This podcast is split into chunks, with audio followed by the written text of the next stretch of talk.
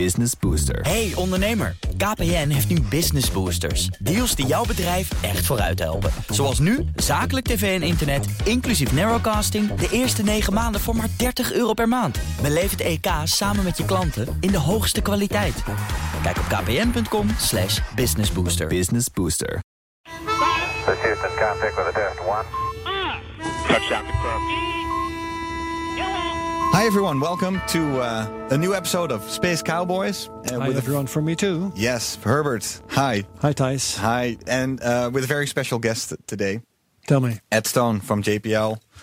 One of Ed Stone. uh, the big names in, uh, uh, Right. in interplanetary science, uh, let's call it that.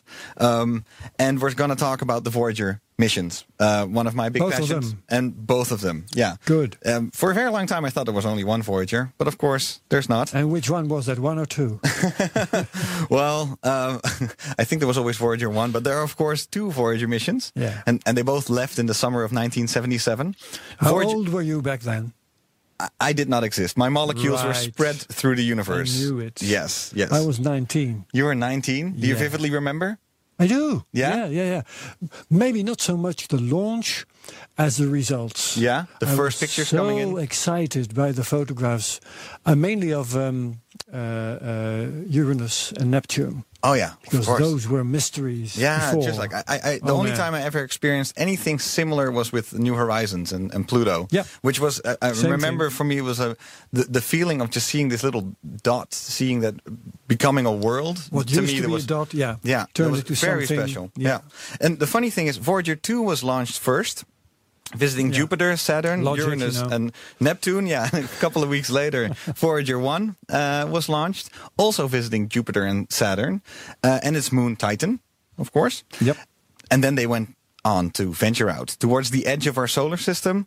Now, I And wanted to, beyond. and beyond.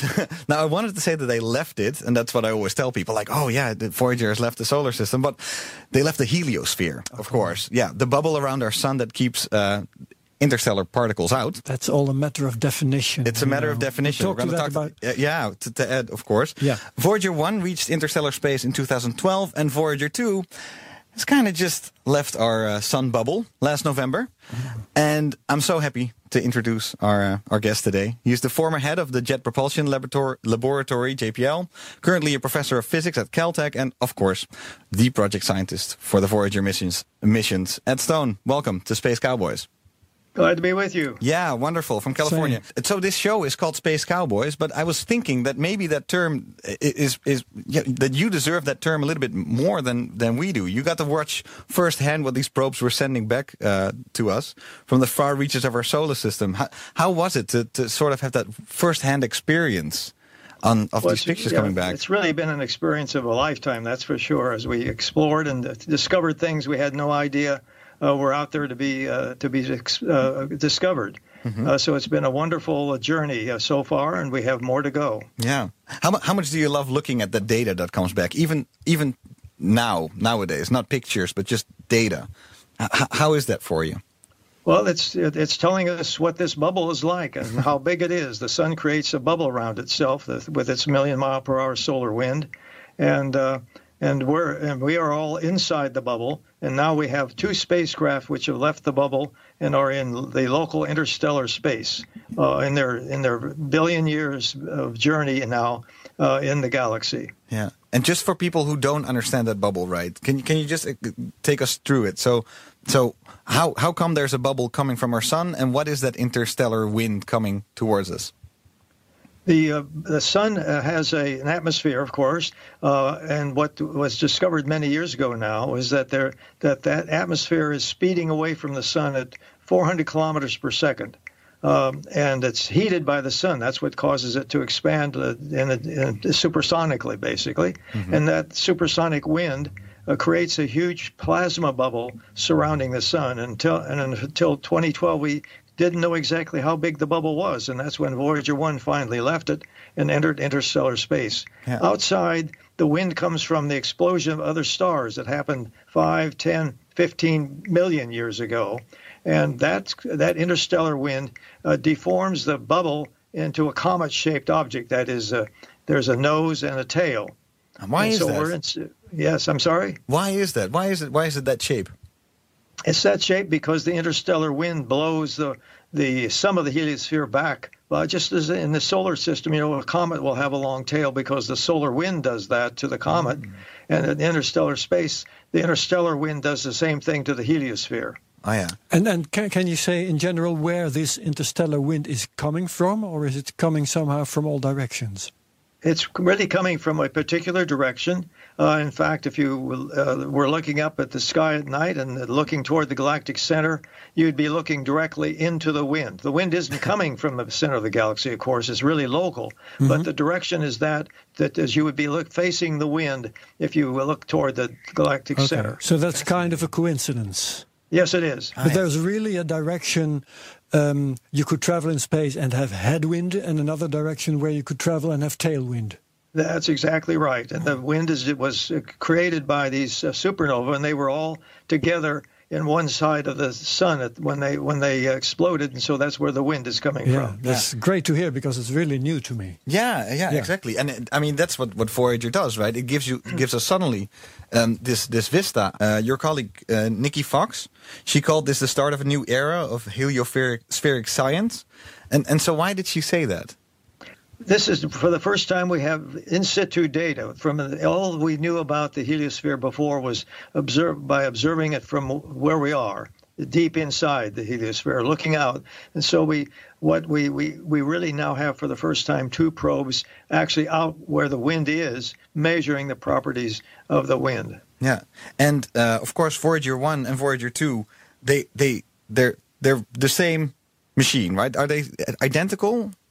They are identical, except that one of the instruments uh, is not working on Voyager 1. So we have five instruments working on Voyager 2 and one and, and four operating on Voyager 1 now. hmm And it's it's a plasma science experiment, right? That's not working on Voyager one, but it is on Voyager two. So you're Yes, that's suddenly correct. you're getting new Yes. data in. Yes, yes, we are. We're learning more about what's how the uh, interstellar wind interacts uh, with the uh, solar wind. Do you have a sneak peek of some of the results? Like, are you already finding stuff out that, that the world needs to know? Well, what, we have learned, for instance, from Voyager 1 is that there are cosmic rays outside. These are atoms which have been accelerated near the speed of light, and some of them can get in deep inside the heliosphere, but most, many, most in fact, cannot. And we now know that the heliospheric bubble basically uh, pr- serves as a radiation uh, ba- barrier so that uh, more than 70% of what's outside cannot get in to 1AU. 70%. So this is part of our radiation defense. So that that means Voyagers, both Voyagers, are getting an even worse bombardment of radiation than they even did. Uh, how do do they survive? Uh, Do you expect them to live shorter because of it? Well, there will be a radiation effect long term, but it turns out most of the radiation they got was at Jupiter because of Jupiter's immense magnetic field and very intense radiation. So that was a very rapid aging process, and the, the one they're experiencing now uh, is much slower. Really? Okay, that's good. Yeah. Um, I want to I want to sort of rewind to the start of these missions and also where uh, where you were. What when do you, where were you to start off with that? Where were you when these missions started? Well, they really got started in 1965 when a graduate student working at JPL uh, discovered that uh, if you launched a spacecraft in 1977, plus or minus a year, uh, you you could that spacecraft could fly by all four of the giant outer planets. They were all, if you like, sort of lined up so that you could do that. Yeah. And that's an opportunity that happens only 100, every 176 years. so that was really the start. And Wow. that was very early in the space age, and it wasn't clear one could build a spacecraft that could last long enough to get to Neptune. This was before Uh, the moon landing. I mean, this is like early space race. Yes, that's right. Yeah, yeah. And so uh, you you started as a graduate student, and uh, during the launch, where were you at that moment? Well, I was by the time that we were, actually I was a graduate student when the space age began, so I was already at Caltech uh, developing instruments for a spacecraft when I was asked to be the chief scientist or project scientist for this new mission. That was 1972. Uh, when I became the chief scientist, and I'm still the chief scientist today. That's Okay, a good, that's a but- good career. Ju- just just uh, to make sure I understand this correctly, this graduate student who discovered the lineup of the planets was that actually you? no, no, no, not, It was no, not. wasn't. Okay. What was the name of this person? Uh, Gor- uh, Gary Flandro. Claire Van Okay. Did he go on to it out. become an, a famous astronomer himself as well?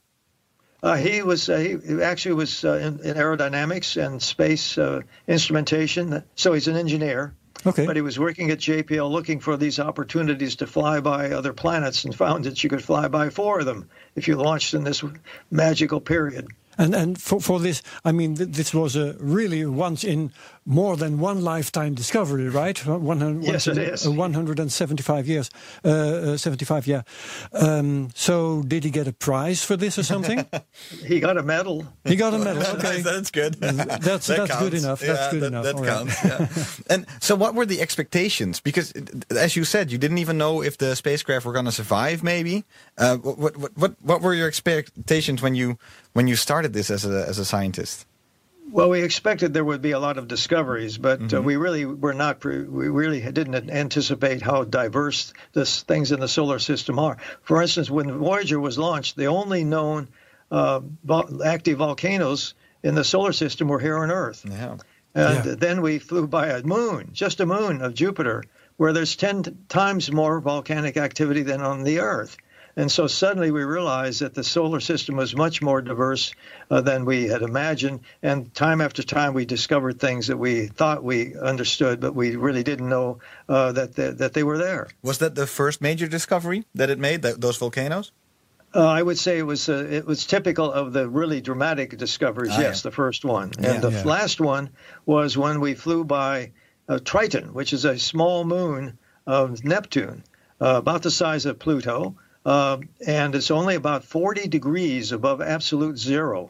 Even even nitrogen is frozen uh, at that at those temperatures. Yet we've discovered active geysers erupting from Yeah. the polar caps. Wow. How could, you, how could you imagine that? That's just incredible. It, it turned out that our solar system was, in a way, way more alive than we thought it was. Maybe. That's a very good way of putting it. Yeah. yes, it's a very dynamic place. Yeah, nothing but surprises, actually, right? Yeah. I mean, every every moon of Ju- Jupiter, Saturn, Neptune, uh, uh, all all those ones. Yeah, I was actually surprised by by this picture of Voyager. Uh, I, I think Voyager one. I'm not sure. Um, just uh, leaving Earth and the Moon, and even snapping a picture of the Earth and the Moon together. What, uh, maybe Pioneer had already done that, but I, I thought it was kind of cool that Voyager sort of took a took a, a last picture of uh, the Earth and the Moon and the Moon as it was leaving. Did it, Yes, that, yeah, that was the first such image where, where the Earth and the Moon were in the same frame. Exactly, Uh, exactly. So that's what that's even where it started, right after it left. Was it? Did it? Did it get slingshots in any way, like before it went on to uh, to Jupiter, or was it just straight there? It was straight there from yeah. Earth. Yeah, exactly. Yeah. Um, so how was the how was the Jupiter approach? How did how did that go? How many years after its launch was that? Do you remember? Well, that was 1970. Sorry, pardon me. 1979. Two years later. Um, yeah. Two years later. pardon me, just a moment. No worries. Okay. yep. Um, and so uh, tell us about that approach. How did it go? Well, first of all, we discovered we were, of course, interested in what the Great Red Spot was, and we now know it's a huge hurricane-like storm system. Uh, but we also discovered it's just the largest of literally dozens of storms, which are you know, on the order of the size of the Earth. Uh, so that atmosphere was much more dynamic than we had imagined, even given the fact we knew it had high-speed winds. But uh, the that there were lots and lots of dynamic, lots of uh, vortices, lots of hurricane-like structures in the atmosphere of Jupiter. Uh, that that was one. Another big surprise was the moon Europa Yeah. uh, which is the same size as uh, as Io, uh, but it doesn't have volcanoes. It has an icy crust, and when we saw it up close, we realized that it looked like an ice pack uh, on, on a liquid water ocean. Which, in fact, the, the subsequent Galileo mission really proved that that's the case. There is a liquid water ocean on Europa. And again, when Voyager was launched, the only liquid water oceans we knew of were here on Earth. And here's just a moon, which has such a liquid water ocean beneath its icy crust. It's crazy. And you could see already that it has sort of like a young surface. Could you already see it on the Voyager pictures that it that it lacked craters and and, and such? Yes, yes. Voyager showed that we couldn't find any impact craters. We found lots and lots of cracks. We didn't find any mountain ranges or anything like that. It was just like ice on a liquid water ocean. Oh, yeah. And the pictures uh, b- being sent back, it was uh, uh, some sort of TV camera almost, right? That's that. Can you tell us about the camera? What kind of camera was it? It's a Vidicon camera, which is a tube. Uh, it's what, uh, the- what what that's what the, used to be used before CCDs were invented, and so this was a small tube, uh, maybe about an inch in diameter or so, something of that order, and an 800 by 800 pixel image. so it's a digital image, just like getting your you get images in your digital TV Really? these A days. digital- we had digital digital image? images back from Voyager. What? Really? I didn't even know. I thought it was some sort of analog weird signal. Oh, really? So so ones and zeros beamed back Yes, through ones the and deep, zero. through the deep space network that was already up then. Yes, that's correct. Uh-huh. Yeah. And at what data speed did the data come home? We got uh, at Jupiter. We had a data speed about 115 kilobits per second.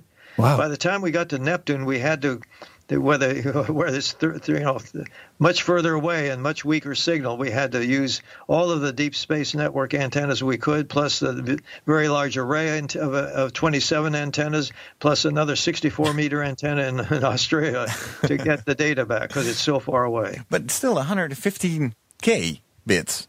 Yeah, That's was not that- Jupiter. that's that's faster than the internet in the 90s. that's right. Yes. That's that's not that bad for Voyager in No, the that's 70s. Yeah. well, th- th- there you go. This is JPL. NASA, of course, is always you know, of course, famed for. You could have beamed for- video of the really decent, decent quality back then. Yeah, the, the, the even li- decent Skype connection from uh, live from Jupiter. Yeah, Yeah, we could make the first movies, and we did make movies showing these uh, this uh, fascinating uh, system of atmospheric storms. Of course you did, yeah, yeah. Oh, yeah, of that course. was Yeah, by, by beautiful. Yeah. putting putting photographs one after the other, right? Right. Yeah, yeah, yeah. And so, were all the instruments on both uh, Voyagers were they up uh, by the time they reached Jupiter? Were they still all working, or were there any setbacks? Yes. Yeah. Uh, they were all working. Mm-hmm. Um, and we did the first and the only instrument we've lost was the plasma, which we lost uh, after the just at the end of the Saturn encounter. Oh, really? Okay. And so- what was the cause of that?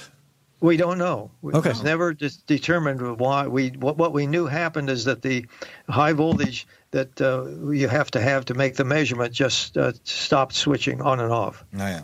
I, I I just kind of want to know for my, my myself. So Voyager 1 and Voyager 2 are literally 100% identical. There's no difference between the machines themselves. Uh, I think that's correct. There may Yeah. be some just- subtle differences, but not, no, Not really. they're all the same instruments. And Yeah. uh, right, because they were back. The reason we had two was to be sure at least one could. In fact, mission success was at least one spacecraft uh, reaching Saturn. Yeah. and, uh, and returning data on Titan and the rings. That's right, And that because was, that was mission success. One- Everything one of- else is a bonus. one of them was uh, meant to uh, fly past uh, Uranus and Neptune, and, and it did. And the other one uh, went past Saturn and then went nowhere uh, Went- out to went- the went edge. up. Yeah. Okay, yeah.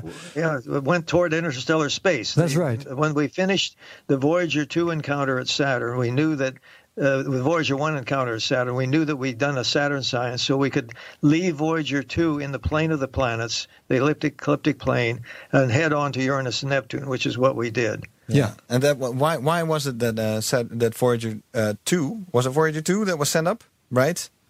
I sometimes still mix them up. Voyager 1 went on to Neptune and uh, and, and No, Voyager Voyager 1 Voyager 1 was flipped Went off uh, plane.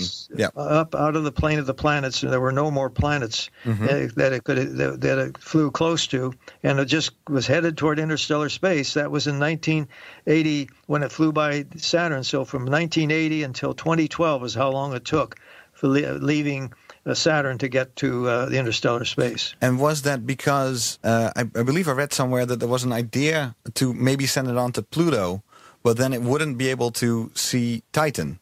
So that's why uh, it went past Titan, and that's why it went up uh, towards inter- interstellar space. I read that somewhere. Uh, that's right. The, the, Saturn's ring plane was inclined, Mm-hmm. uh, uh, and so that meant that since Titan is in the ring plane, we had to have an inclined orbit uh, in order to study Titan. And we wanted to do that because we wanted to know what kind of an atmosphere was there, and that was another major discovery. Yeah. Yeah, yeah. We just we found that uh, that there's liquid there's liquid natural gas raining down on the surface of that planet of that little moon. There's it's a beaches planet-sized moon, by the way. It's almost as big as the planet Mercury. Yeah, really. I think Carolyn Porco calls it uh, seas of paint thinner, beach, beach, beaches with paint thinner right on at your feet. Yeah. But Ed, tell me, um, what what was actually the design lifetime of both these probes? Did you ever have the? Uh, did you ever think that they would live this long? Well, uh, you know, when Voyager was launched, the space age itself was 20 years old. Yeah, So, so there's no way that we could tell how long that anything could last 20 years, since that was just the age of the, the space age when we were launched. let alone twice that. This is a grand experiment. We did it step by step, uh, and uh, both uh, both are still working today. Although they do have their limitations. They, we we are running out of out of power. Sure. We have to look carefully at how cold they're getting and so on. Uh, that's the new engineering challenge we have. But uh, after all, it's been over 40 years in the journey so far. Yeah, but what what what was your intention? Uh, what did you say to one another? Okay, if if it lives this long, we'll be reasonably happy. What was this long in that case?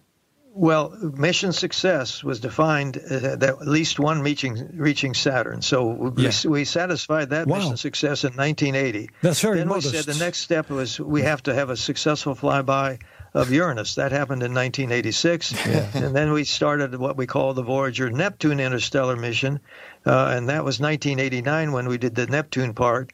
Leaving only now the current mission, which is the Voyager interstellar mission. So this was a stepwise expansion of our objective, uh, not stretching too far uh, each time, just so that we could uh, have a plan uh, for each of these encounters, and then what followed on with the interstellar space. Amazing. A- Amazing. So the the the only reason why um, certain instruments were shut off at a certain point was only to to save energy. Then. We uh, once we finished taking all the images, we'd finished flying by all the planets. We turned off all of the planetary instruments, including the imaging system. Uh, that saved power, but we, the, the amount of power we had at that time was not a problem. We can't save it; it's radioactive decay. Oh yeah, of Uh, course. so, but it, uh, it did mean that we could save space in our computers. The computer memory on Voyager is uh, about 100,000 times less than you have in your your, uh, Smartphone. your smartphone. and so we wanted to use all those memory bits there were for the interstellar mission. So we shut down, took the re- reprogrammed the computers to focus on interstellar space rather than on planetary space. Ah, that's the uh, reason. And and continued have been running those programs now ever since. yeah. So, how um, to be precise, how many kilobytes or megabytes uh, do the Voyager probes have? Uh, each we have six. We have three computers that run the spacecraft. Each of those has about four four thousand words of memory. Four thousand words. Four thousand words, twelve bit words, roughly. I can I can even imagine such a tiny piece of memory. yeah. then what do you do with it? Yeah, exactly. Uh, you you program every bit very carefully. Yeah, I guess of you course, do. Yeah, Yeah, yeah. Um, of course, they have plutonium reactors, right? They got No, not a reactor. Oh, how do you- This how do you is call it? natural radioactive decay of plutonium 238. Just it Just just a chunk. decays away Just with an 88 year half life, and when it decays, it gets hot, and so you bolt thermocouples to the heat source and make electricity. It's a very robust, simple, no moving parts, uh, but it does decay away. That's where the energy comes from, is the heat. And Mm-hmm. so the heat which we use to make electricity is means that we have less heat each, less heat each year to make. We now have to turn off each year something that takes four watts because that's how much we lose, how much less power we have year after year. Four watts. And so eventually we'll have to turn off the spacecraft. right now. It's around twenty-three watts. Is that uh, how much? That's the transmitter is Okay. 23 watts, but Okay. it takes about 70 watts of power to tra- to get 23 watts to Earth. ah okay. So when that does all of this and get to Earth, that's just to transmit 23 watts. Yeah, so of that 70 watts, you know, a, a, a big old light bulb, that's uh, that's that's what the entire Voyager uh, runs on. Uh, you lose about four watts a year right now. Four watts a year. Mhm. Whoa. Okay, And so I it's, guess it's, this- it's a countdown. This decay Yep, and the count- heat, that's right. Yeah. The, the decay and the heat it generates also serves to uh, keep uh, uh, the uh, spacecraft itself at a certain temperature, because otherwise it would uh, stop functioning, right? But that's correct. That's the uh, thrusters. We have to keep the thrusters above a few degrees centigrade because that's where the hydrazine fuel fu- freezes.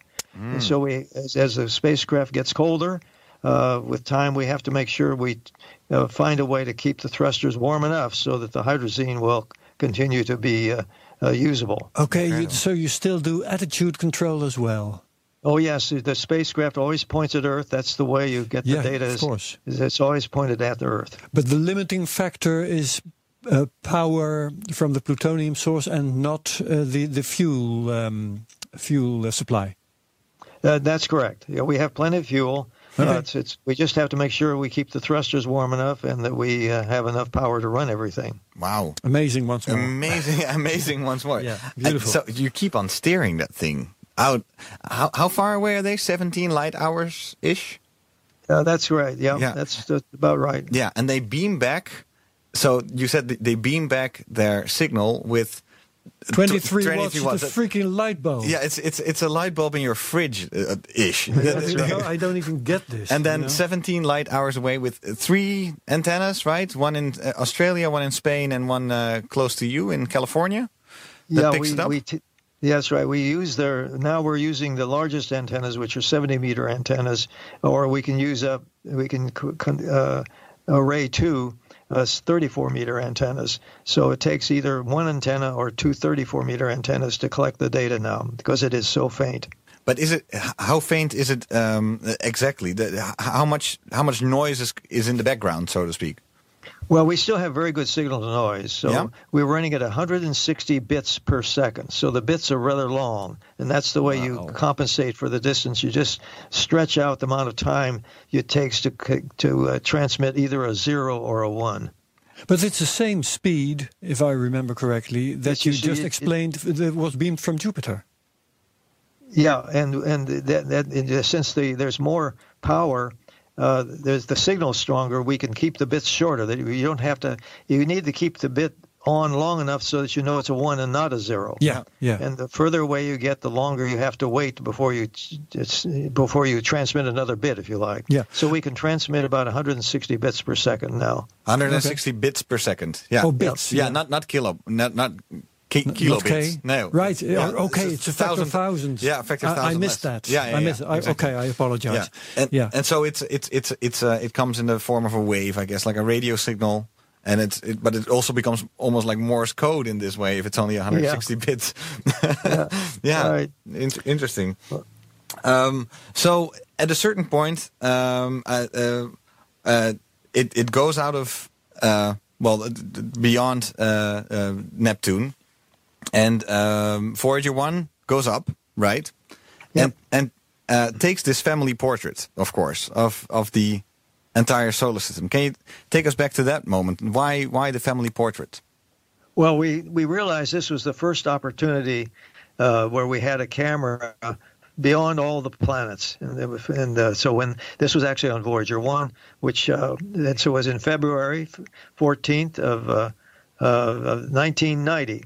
Uh, that we took the photograph, a series actually of, of, images, because uh, the whole planetary system won't fit on one frame. So we had a whole set of frames, eh, frames, so that when we uh, if you like, pro, uh, pasted them together, they would uh, show the solar, the planets just arrayed in the solar system. The first time that we could do that, and so we thought that was another milestone in uh, human exploration. Yeah, was that actually Carl Sagan's idea, or is that just urban, or is that? Well, just he was lore? certainly he was certainly an important factor in making it happen because it meant we had to continue the mission operations for another year to do it, and, uh, And keep there- all the there was a instruments on. of funding that was required as well as. Uh, as as uh, the and keeping the staff on board, so we could take one last set of images, process them, and so on. Really, And for that's those what we did the first six months of 1990. Really? So only f- so for, for, for specifically for those pictures. Those are um, some expensive pictures.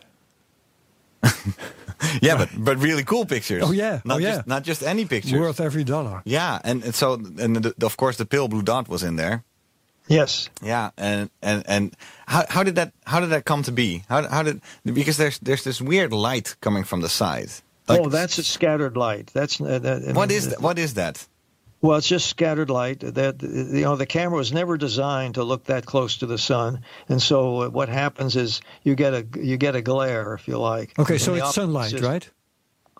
It, it was in the Probably. light in the in the beam is from the sun. It's just scattered Yeah. Yeah. Uh, into that stream. Yeah. It just happened to capture the Earth as uh, in that in that beam. It's an accident again. But I do think we ought to explain. Maybe some listeners don't know the pale blue dot. Yeah, ex- yeah. Um, Carl Sagan had the idea to uh, have uh, Voyager look back to Earth. yeah, the whole the whole like like like Ed just said the whole the whole solar system. So it's a whole Well, it- th- it's a whole that's not the pale blue dot. Yeah, the pale blue dot was so they took a picture of Earth. Ed, uh, if I'm making any mistake, then uh, please correct me. Yeah. But so then um, they took a picture of Earth, and Earth in the family portrait is the pale blue dot, right? Is that That's so? correct. Yeah, okay, that's correct. okay. Yeah. I didn't know that. yeah, yeah, I learned another thing. yeah. Okay, we learned a lot today. So, so we had we took separate images. There was an image that had Jupiter in it. Then we had to turn the camera a bit and take a picture with Saturn in it, and then we would move it a bit and take a picture of it with uh, all, all- each of the planets. The only one, as I recall, we couldn't do that was Merc. uh, Was uh, we couldn't do Mars uh, because Oh. I think it was too close to the sun, and we couldn't do Mercury because it was too close to Okay, the so sun. it was sort of a panoramic picture, yeah, it's, yeah, it's a panoramic picture. moving the uh, camera But and so- uh, gluing it together. But so the family portrait doesn't include Mercury and Mars. They've been expelled from the from the family, the black sheep of the family. I never knew. I never knew they uh, they weren't in there. um, so uh, uh, how do you how, is it, is it all programming? Is it- is it is it constantly coding uh, the, the the Voyagers, or is there some sort of old interface um, uh, there at JPL that that that that people still push like the same old buttons? How does it look like? How do you how do you contr- how do you control those two Well, spacecraft? we, we, we can control by sending commands to the spacecraft Mm-hmm. um, and changing the program on the spacecraft to, to do something different than it had been planned to do. And so we occasionally, a few times a year, will send up a new set of instructions to do something a little bit differently or to do something that hadn't been done before. For instance, uh, that, that so we can do that. We send up commands, uh, digital commands, ones and zeros again, Mm-hmm. Okay. and change the program in the spacecraft so that when the time comes, it does something different. Sure. And- but but but uh, what I'd like to know, and this may be a very stupid question, um, do you still use uh, um, at Mission Control the stuff that you used back then, or has this all been updated hardware-wise? All the ground all the ground based hardware has uh, been uh, upgraded. In fact we had to one computer which was completely out of date that we kept on through neptune that was one which had to do with sequencing of things and we didn't want to have to qualify the program on a new computer so we managed to keep that uh, ancient computer running until we finished all the imaging. And then we shut it off and uh, there are no programs left uh, uh, anywhere Yeah. uh, to uh, to uh, display those uh, I mean, to to interpret those bits and zeros that make images. Yeah, because I, I figure um, it can be harder to use modern equipment to control an ancient piece of hardware like Voyager, in some cases, uh, than uh, to use uh, the uh, the ancient stuff. Well, no, that's that's actually turns out that all all we- all we need to do to con, to actually uh, control it is to set up a to set up commands, send up commands which change the the four thousand some part of the four thousand Okay. words of memory, and uh, it's Yeah. actually easier to do that with modern equipment to send it up. Uh, because you're just trying, you're just changing the computer, which is a very tiny computer compared to our Yes. capability on Earth. And you you need to um, uh, edit uh, s- some commands, and you can Yes. do that on any computer Yeah. because it's basically all just text. That's right. It's all just All right. ones and zeros. Yeah, yeah, yeah, yeah. yeah, and right. just sending just plain old ASCII text up or something. It's or it's computer Yeah. code. or machine language or whatever. yeah. Machine language, yeah. It's probably machine, Machine language, language, right? machine Yeah, language. yeah, Yeah, yeah, yeah, exactly. of. Yeah. very cool. Um, so um, I, I sort of want to look look ahead to uh, to the future. So you you already said that uh, Voyager, uh, both Voyagers are now in. Um, what's the name of the mission? Uh, The the heliospheric mission. The Voyager interstellar mission. The Voyager interstellar mission. So I- that's the current the currently active mission. I would like to take That's a step right. back, if, Oh, if you don't okay, mind. then we'll talk about the future in a Um, second. Because we have, um, um, when we started this podcast, um, I said something like it's all a matter of definition, and Mm-hmm. I'd like to I'd like to run through the definitions. We have the solar system, we have Okay, the good, yeah, heliosphere, good. Uh, we have uh, stuff like the Kuiper belt and the Oort cloud. Uh, I'd like to know. Um, um, w- w- when I was a kid, I learned about the planets, and there was Pluto was the last one, and um, beyond Pluto there was nothing. Nothing. Yeah, that's how I that was taught worth, as well. Worth Yeah. knowing. I mean, Yeah. so uh, to me, the solar system ends with Pluto. That's all. You know. so uh, nowadays uh, it's different. But Ed, uh, can you tell me um, if we move beyond Pluto? Um, what boundary do we get first, like the heliosphere or the Oort cloud, or uh, t- t- tell me what's Yeah. the order of things, Yeah, please? great. Good question. Well, the first thing, the, the first boundary that you cross, and it's really the only clear boundary, is the heliopause itself. This is where the solar wind and the interstellar wind meet, Okay. and that's a very clear boundary. Um, and beyond that, there, what's beyond that is the Kuiper belt, which extends. See, the heliopause is uh, actually the Kuiper belt is actually much of it is inside the heliosphere. the um, Kuiper, the Kuiper belt is inside the heliosphere. That's Okay. right. Yeah. and That's that's where comets live. Okay. Yeah, and then the comets that the long the long period comets come from the co- uh, Oort cloud, and it ta will take us about 300 years to get to the inner edge of the Oort cloud. You and mean it takes us uh, about 30,000 years to get to the outer edge of the that's Oort that's cloud. flight That's time of in fact- Voyager? Is that right? I'm sorry. Um, You say 300 years. That's a uh, uh, flight time of Voyager. Yes, that's, That's right. Voyager. How long it'll be for Voyager? Okay, yeah. That's that's that's too bad because well, uh, it, it won't they, they won't won't last see- that long. You won't see that. No. But 300 to 30,000 uh, years. That's, Yep. that's that. So the Oort cloud is is gigantic. Huge. huge. Yes. Giant. Well, you Yeah. see, the Oort cloud is just comets which are in orbit about the sun. But when you get, if you if you think of it, if you get as close to another star as you are to the sun, you're right between them. Mm-hmm. At that point, those comets are going to be around either planet. But as you continue on, the comets will be around that next star Yeah. because that gravity field will be stronger. So both stars, uh, Oort clouds uh, meet. They kiss, so to speak. yeah, Yeah. Yeah. Okay. Um, And so there's so there's hardly anything between Pluto and the heliopause, and the heliopause uh, being the, the edge the edge of the of the of the well, the. Kuiper belt is, is in that region between uh, Okay. Pluto and the heliopause. Okay. So, and where, in your opinion, does the solar system end? Well, the solar system it doesn't have a clear end. It's it, there's a balance point somewhere between the sun and the nearest star. Uh, Yeah. halfway between roughly halfway depends on how the, what the masses are of the two stars so there's a gradual transition where eventually uh, you're you're orbiting the other star you're, you're closer to the other star than you are to the sun Yeah, yeah. So you would, um, if I can, if I interpret this correctly, um, you would define uh, each star's territory, each each star's solar system as uh, the edge of of its Oort cloud. Yes that's right Yeah, yeah. Yeah. Okay. Yeah. So all these solar systems actually uh, also kiss. Yeah, yeah. It, it, the, the thing is, Ed, I have a I have a tattoo of Voyager. Um, because Yes? yeah, I love your project very much. and in bars, I always keep on telling people like, "Oh yeah, it's it's the only man-made object that uh, that that left Yeah. the solar system." Actually, Ed, we should send you a photo. Maybe, maybe we will. all yeah, right? I'll, I'll send you, I'll send you a picture of it, and uh, it's it's nicely done. Like I I, I really love Yeah. the artist who made I it. can testify that. Yeah, uh, and um, but I always keep on telling this wrong in bars. Then I guess like I keep on saying like, oh yeah, it left left the solar system, but I have to change my story. I Thirty guess. thousand years, Thijs. Yeah, yeah. The reason I got it though is because it, it's it's it, it's this uh, it keeps on exploring. It keeps on uh, finding new things. So I thought that was very very inspiring. So that's why that that that story still holds, right? yeah that's that's wonderful But uh, but uh, yeah, uh, but I wonder how we'll talk about it in ten years, because we're not really sure if if we get still get data in in about ten years from Voyager, right? That's right that's yeah. right What? How do you see it? Well, how how will the next ten years or twenty years go? Well, we still have we will still have lots to learn about this interaction between the interstellar wind and the solar wind, and we will do what we can uh, for the next five to ten years to uh, make take best advantage of this unique opportunity. It'll be decades before another spacecraft uh, is where Voyager where the Voyagers are today. True. Which which instruments are still on? Uh, on Voyager two, we have a, a plasma instrument measuring the wind. Uh, we have a plasma wave instrument which measures the radi- uh, the oscillations in that wind.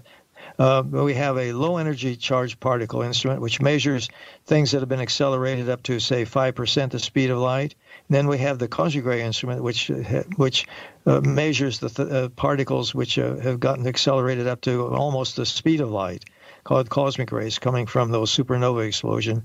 And uh, and the so we have that's uh, we have the plasma instrument which measures the wind Mm-hmm. Yeah. on Voyager. That's on Voyager two, not on Voyager one.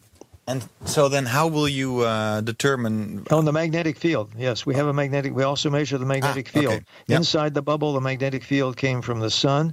Outside, the magnetic field is from the galaxy. Right. Is Insane. there any? Is there any to speak of? Yeah. I'm sorry. Is there any magnetic field to speak of? Oh yes, yes. Yes, fact, it's significant. the field outside in the interstellar space is a bit stronger than the field inside our bubble. What? How? Okay. Well, the field inside our bubble comes from the sun. It's a long way out there, so the field gets very weak. But and then the galaxy is bigger. The galaxy is bigger, and the field is actually a bit stronger. Oh, I've- Crazy. And but aren't they in some sort of balance right at that point? Right Oh, now. yeah, there, there is a balance, and the, the point is, it's not the magnetic field which balances; it's the, it's the total pressure, which includes the uh, the wind itself, the plasma. Ah, yeah. So there's pressure Okay. from the plasma, just the wind pressure, uh, and there's pressure from the magnetic field. Which, which is which is the the first instrument you have to start shutting off? You think? Uh, we haven't decided that yet, but we have three instruments which have heaters. The first thing we'll be turning off are the heaters, um, and we, we'll, we'll turn off a heater that will give us an additional year. Then we turn off the next heater that gives us another year, and the third heater turn we turn off gives us another year, and then we have to start turning off one of the instruments, four four watts Wow. each. That's do- is, is that a, a sad thing to do for you? Well, it, it's been a great journey. I don't, I, no, I don't think Yeah. uh, it's been a, really quite a joy. But still, Sure, uh, I'm do, sure, do you have do you have any guidance on, on what like what is your what what are the rules of which ones you want to shut off?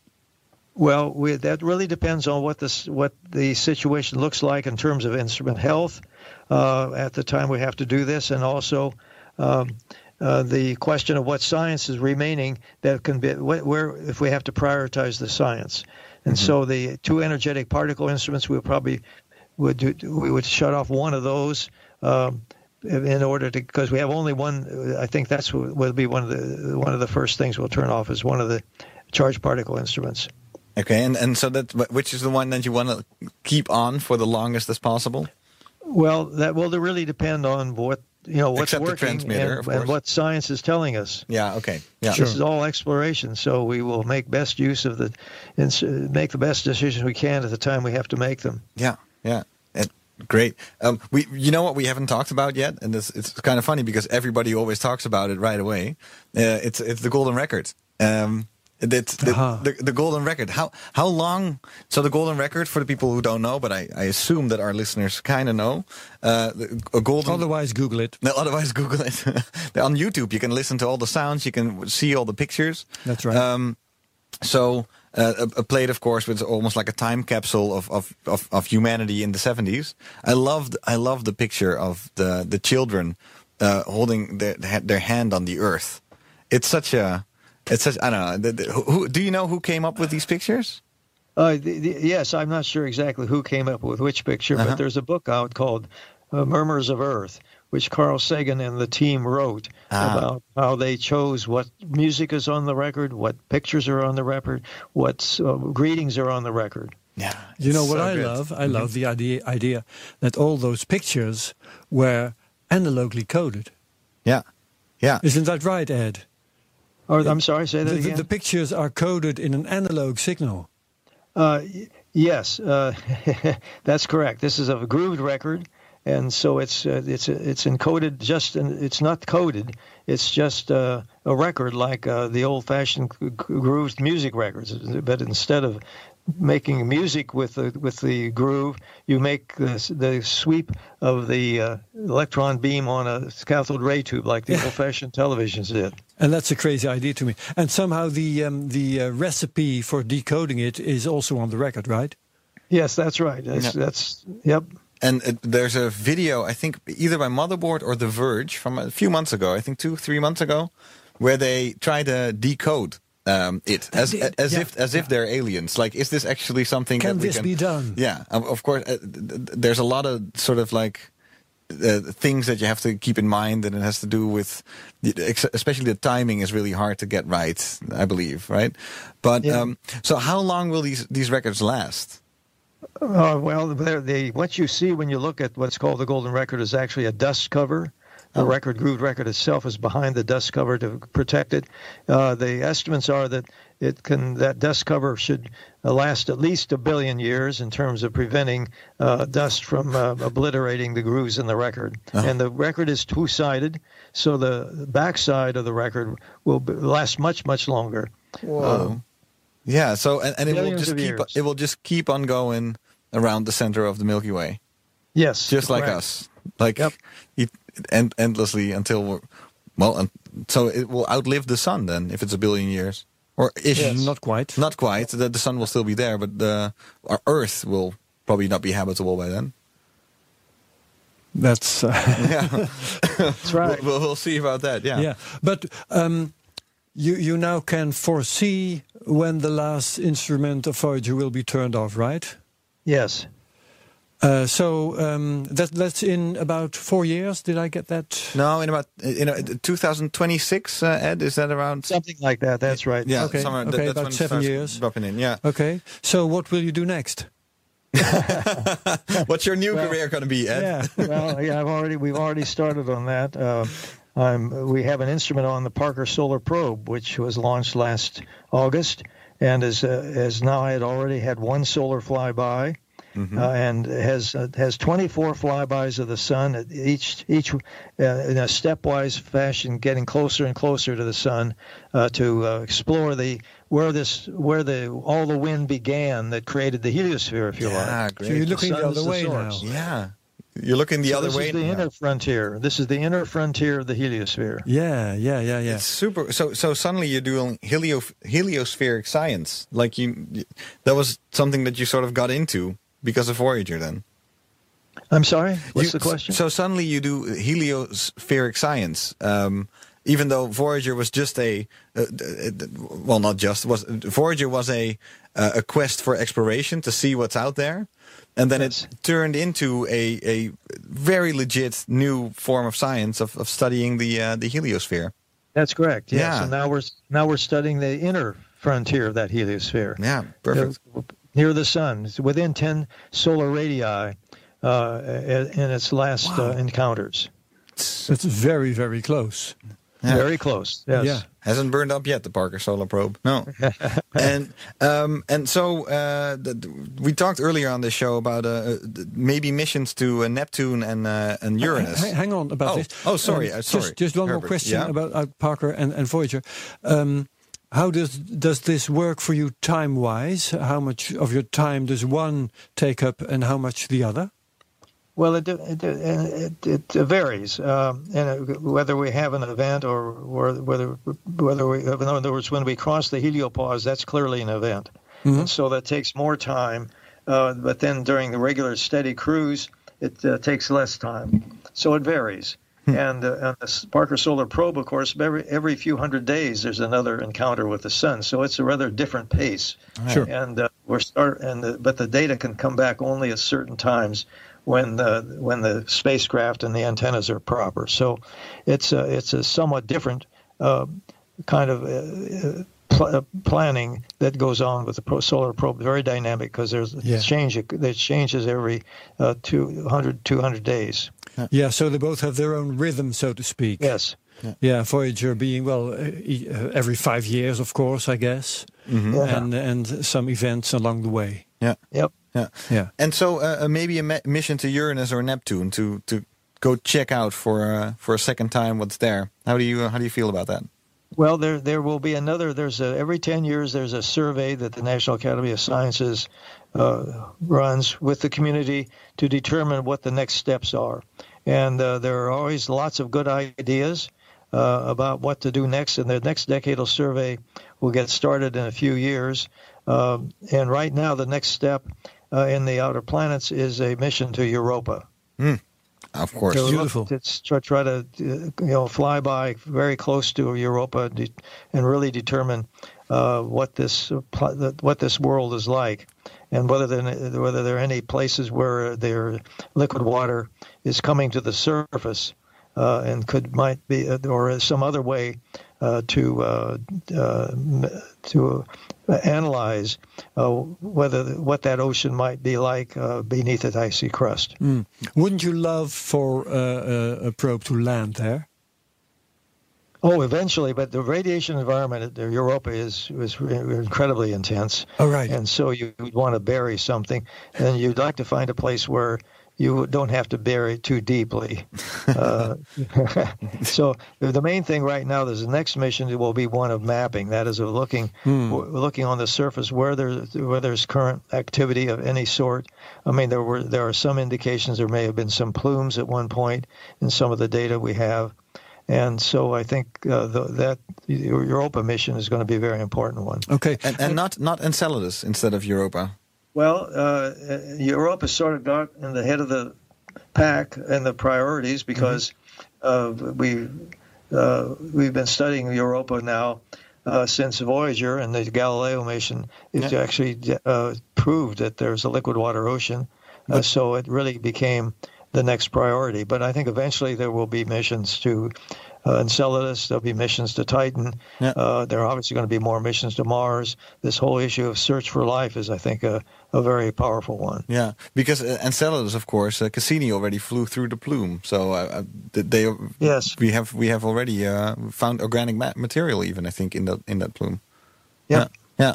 Well, well, we're gonna see. We're gonna see. And so, no. Uh, I hope so. So you're not you're not rooting for anyone to for for a mission to Uranus or Neptune. No, I'm not. Uh, I- I'm. I'm going to let the community. I- I'll just watch the community decide what they want. You've do already next. been there. You've already been there. exactly. Do- does it feel that way? By the way, uh, do you feel as though you've been there? Well, certainly, you feel like you've been there. You're Yeah. seeing things that nobody's seen before, Yeah. uh, and uh, and it's cer- and that's even that's certainly the case for Mars, where you're actually uh, seeing it down on the surface, just as though you were standing there. That's right. yeah. incredible. Incredible, right? Yeah. yeah, Very yeah. incredible.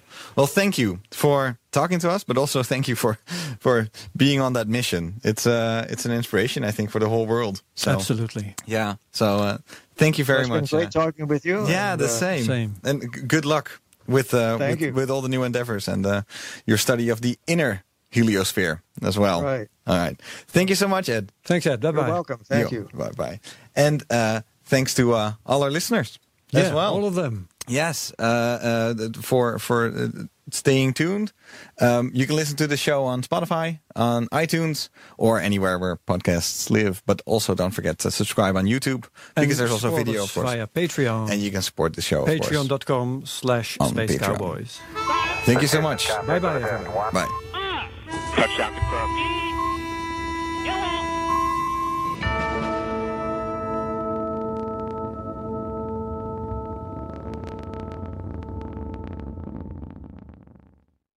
Business Booster. Hey ondernemer, KPN heeft nu Business Boosters. Deals die jouw bedrijf echt vooruit helpen. Zoals nu, zakelijk tv en internet, inclusief narrowcasting... de eerste 9 maanden voor maar 30 euro per maand. Beleef het EK samen met je klanten in de hoogste kwaliteit.